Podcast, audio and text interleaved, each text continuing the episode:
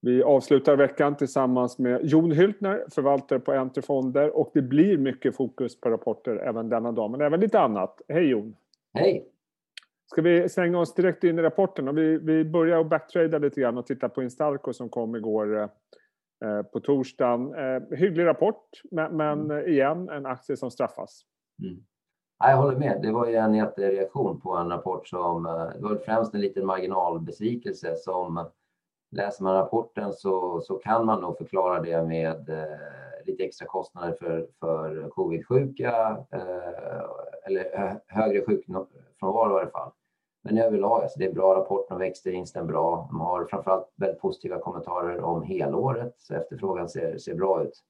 Så, men, men det är så det är lite i den här rapportperioden. Är det inte riktigt upp till, till förväntan och en aktie som har gått bra så kan det bli stora slag. Mm.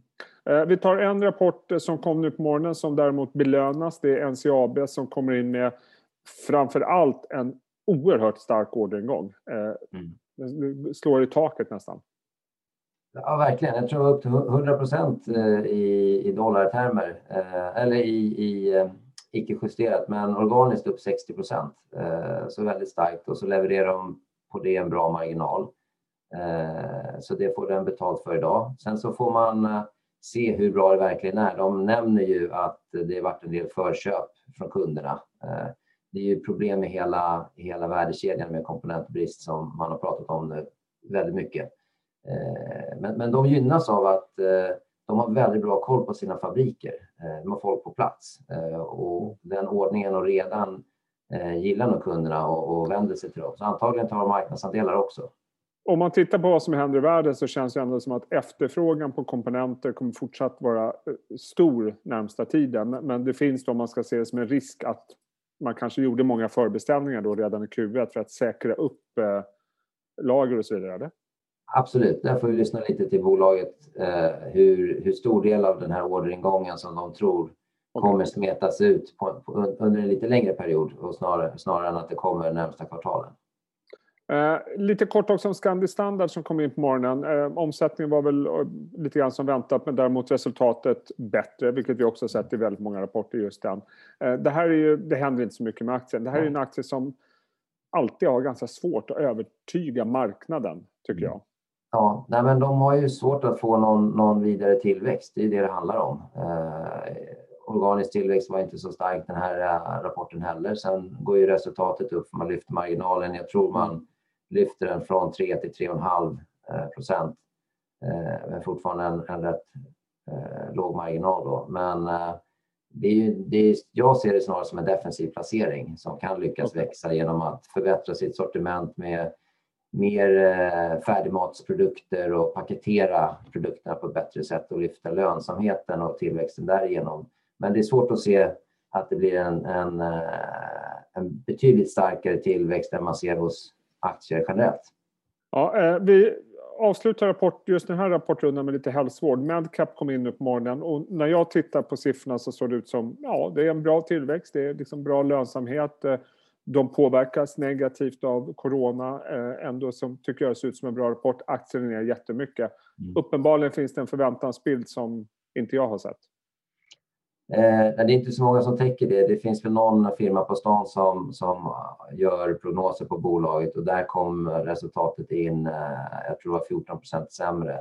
Okay. Eh, men sen talar man också om att inom eh, specialläkemedelsdelen, där man har en del kontraktstillverkning, så, så är det sämre efterfrågan och man till och med deltidspermitterar. Eh, och det är väl något som man blir lite orolig för att att eh, någon enhet kan, kan gå lite sämre här ett tag framöver. Vad säger du annars om den här sektorn hälsovård? Min uppfattning är att eh, väldigt många fler förvaltare som jag har pratat med börjar nu lyfta fram det här som en sektor som kan bli en post-corona-vinnare när samhället öppnar upp och vi ska beta av vårdskulden och så vidare. För det är ju väldigt många delar av hälsovård som har varit förlorare på corona, det får man inte glömma bort. Hur resonerar du kring den här sektorn och hur ligger du själv exponerad? Egentligen så även innan corona så var det väldigt mycket prat om att det är en vårdskuld. Man, redan då hade man en vårdskuld i, i Sverige men också i hela Europa och en åldrande befolkning Så det strukturella temat att det kommer krävas mer vård eh, har ju funnits eh, och det har ju bara accentuerats av, av, eh, av covid. Eh, och nu är det ju eh, en, en jätteskuld som behöver betas av och frågan är ju hur kommer samhällena ha råd med det här? Eh, för, för det är ju budgetar som ska in som, som behöver beta av eh, alla uppskjutna operationer med mera. Men jag tror att det kommer att finnas jättebra efterfrågan för alla som kan erbjuda en, en bra tjänst som effektiviserar på något sätt. Där, där tror jag det finns en, eh, flera väldigt stora vinnare i, i det här segmentet. Och hur ligger du exponerad mot sektorn? Vad, vad äger du för hälsovårdsaktier? Eh, jag har Arjo eh, och eh, Medicover och Adlife i, i portföljen. Adlife är den enda som, som jag tog in under covid-perioden. Den tyckte jag var lite dyr innan. Där har de ju verkligen visat att de har koll på sin leveranskedja och kunnat leverera väldigt bra under ett jättehårt tryck. Sen kan man vara orolig för att en stor del av deras verksamhet har fått en enorm boost av covid-relaterad försäljning.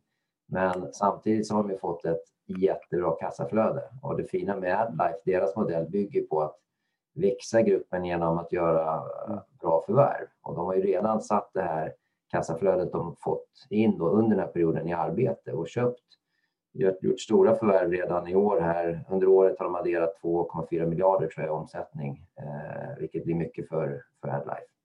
Eh, om vi, en, ett annat fenomen som vi såg innan rapportperioden, vi också sett det under, det är ju positiva vinstvarningar som har mm. kommit mm. eh, ganska många. Eh, en som kom var BTS, den kom väl, var det i, vad var det, häromdagen va? Eh, och, eh, ja, det var vad, förra veckan om jag inte missminner mig. så tidigt till och med. Eh, ja. vad, vad, signalerar det att de kommer med en så pass stark, starkt resultat i Q1? För BTS ska jag säga ganska mycket företagsspecifikt. Eh, okay. För där är man fort, de levererar ju eh, utbildningstjänster till företag. Eh, man kan säga om, om McKinsey-konsulten kommer in till ett, till ett stort bolag och, och kommer in med en strategiförändring på hur man ska sälja eller något annat. Då är BTS i steget två och tar tag i den här avdelningen och utbildar dem. Och traditionellt har det varit en så kallad offsite. Du åker ut till, till en konferensanläggning, träffas, går igenom det, det här fysiskt. Och den affären har ju nästan helt dött ut eh, för att man inte träffas fysiskt i grupp. Eh, och det som BTS har gjort är att de har vänt om sin affär och eh, gjort digitala träffar som gör de här utbildningarna digitalt istället. Eh, och det är det som fick en väldigt bra skjuts på i, i Q1 som de ville vinstvarna för. Och det var en vinstvarning som innebar ett resultat som var ungefär 50 procent bättre än de prognoserna som, som låg innan då. Eh, vilket innebär att man har fått fart på det i, i en väldigt hög takt. Eh, men det tyder, det tyder mer på att BTS gör det här väldigt bra och är duktiga på att ställa om själva, eh, vilket är imponerande. Men, men den här kombinationen att ställa om och också att vi förväntar oss att samhället kommer börja öppna upp mm. eh, inom eh, några månader. Gör inte den dubbeleffekten att vi kommer få se ytterligare starka rapporter från BTS? Absolut, jag, jag är helt enig. Och det, det är en av anledningarna att jag har, har en, en bra position i den aktien också eh, i fonden. Men nej, precis, för de fysiska träffarna och utbildningarna kommer ju också komma tillbaka. Så det, det de har gjort nu är att förstärka sitt erbjudande rätt så rejält. Sen har man också varit, eh, tagit ett beslut som antagligen var ganska svårt, men att inte säga upp eh, några av sina medarbetare. Och det här är en affär som är otroligt beroende av att man har bra, man kan kalla dem konsulter, som är ute hos de här bolagen, gör de här utbildningarna, vilket är ju, är ju jättesvårt. Eh, och nu när de kommer in i en post-covid-period, då har de kvar eh, de resurserna när en del andra konkurrenter antagligen har har sagt upp några. Så det gör dem till en, en väldigt attraktiv eh, arbetsgivare antagligen. Mm. Ja, intressant. En annan bolag som vinstvarnade det var Boost. Nu kommer de med definitiva siffror mm. nu på morgonen. Aktien är ner. Jag förstår faktiskt inte riktigt varför. Har du någon förklaring till det? Nej, det, det är lite svårt att, att veta. Eh, man har sett en del andra rapporter inom e-handel. När BHG kom så gick den aktien ner kraftigt trots att det var, bättre. Det var en, det var en riktigt bra rapport. Eh, om man ska hitta något i rapporten så är det väl att de inte guidar upp. De behåller sin guidance från tidigare. Eh, deras marginalguidance ligger lite lägre tror jag än vad prognoserna ligger på. Eh, så, så det är väl det kanske fanns en förväntan om att man skulle guida upp lite på marginalen också eftersom man levererar så bra nu. Men, ja. Vad, säger du om e-handlarna annars? Du nämnde BHG som har kommit med en bra rapport och därav allt att döma deras marknad är fortsatt väldigt hårt tryck på. Eh, mm. lär vara ett tag till. Men vad säger du om e-handel och den sektorn när vi går framöver, vi lämnar pandemin och eh, människor rör på sig mer ute?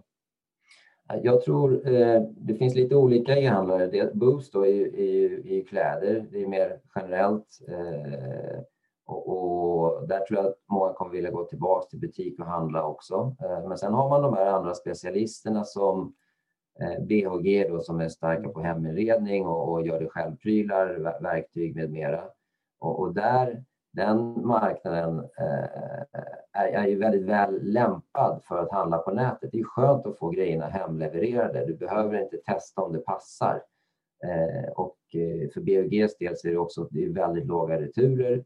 Eh, så det, är en väldigt bra e-handelsbusiness. Eh, innan så tillväxten eh, kom ju från att fler och fler upptäckte det här.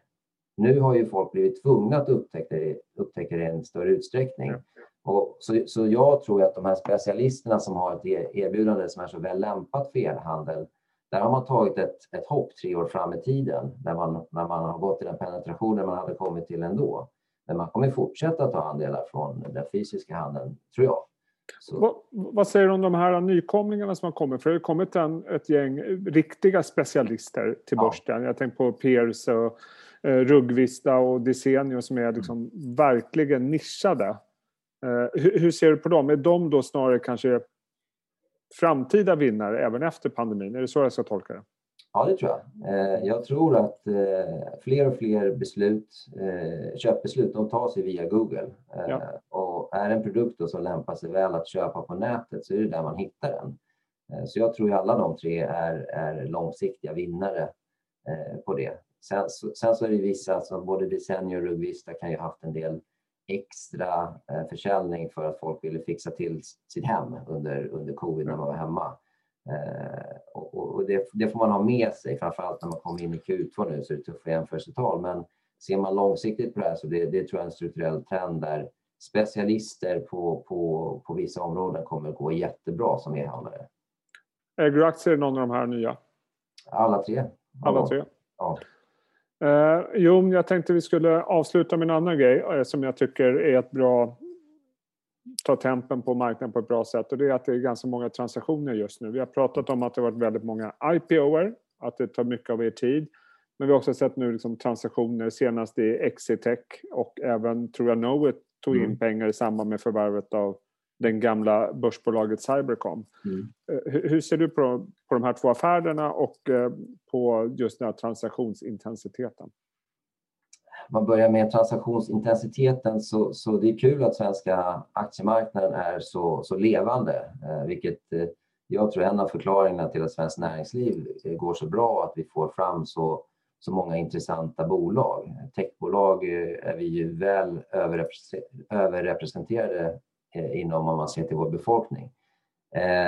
tar man de här transaktionerna i, i stort då, eh, har aktier både i, i Knowit och Excitec och eh, där eh, Knowit eh, hade man ju kanske trott skulle bli utköpta snarare. Mm. En av de IT-konsulterna med en helt öppen ägarbild som, som inte blivit utköpt än.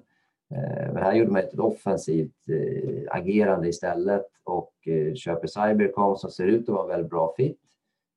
Man köper till en lägre värdering än sig själv. Inget, inget jättearbitrage men det är ändå en en hyfsad multipel för Novit i sig är rätt billig eh, och, och ger ett bättre erbjudande och direkt en bra vinsttillväxt. Så får man också in två huvudägare i göteborgarna där, JCE och eh, ett av Stenas eh, Stena-anknutna investmentbolag. Så då kommer man ändå ha en huvudägare också som kommer sitta på drygt 20 procent av aktierna, vilket ser, ser väldigt intressant ut. och i Excitex så de, de är väldigt förvärvsaktiva och har antagligen någonting på radarn som de, eh, de eh, är intresserade att ta in. Och där, ja. Nej, men det är uppenbart tycker jag eh, att det fortfarande finns väldigt mycket vad ska man säga, pengar att tillgå. Ja, nej, man får ju vara lite vaksam här också så att det inte blir dumma transaktioner och att det passas på bara för att det, tillgången till kapital är, är lätt. Eh, men i, i de här fallen så ser det ut att vara väldigt vettigt. Det, det passar bra i affärerna och så då, då är det väldigt positivt tycker jag. Men man, man får ju såklart vara vaksam att det inte missbrukas. Mm. Ja, eh, intressant. Eh, Jon, tack för att du tog dig tid och berättade lite grann om eh, det som händer på marknaden. Eh, och eh, ha en trevlig helg. Detsamma, tack.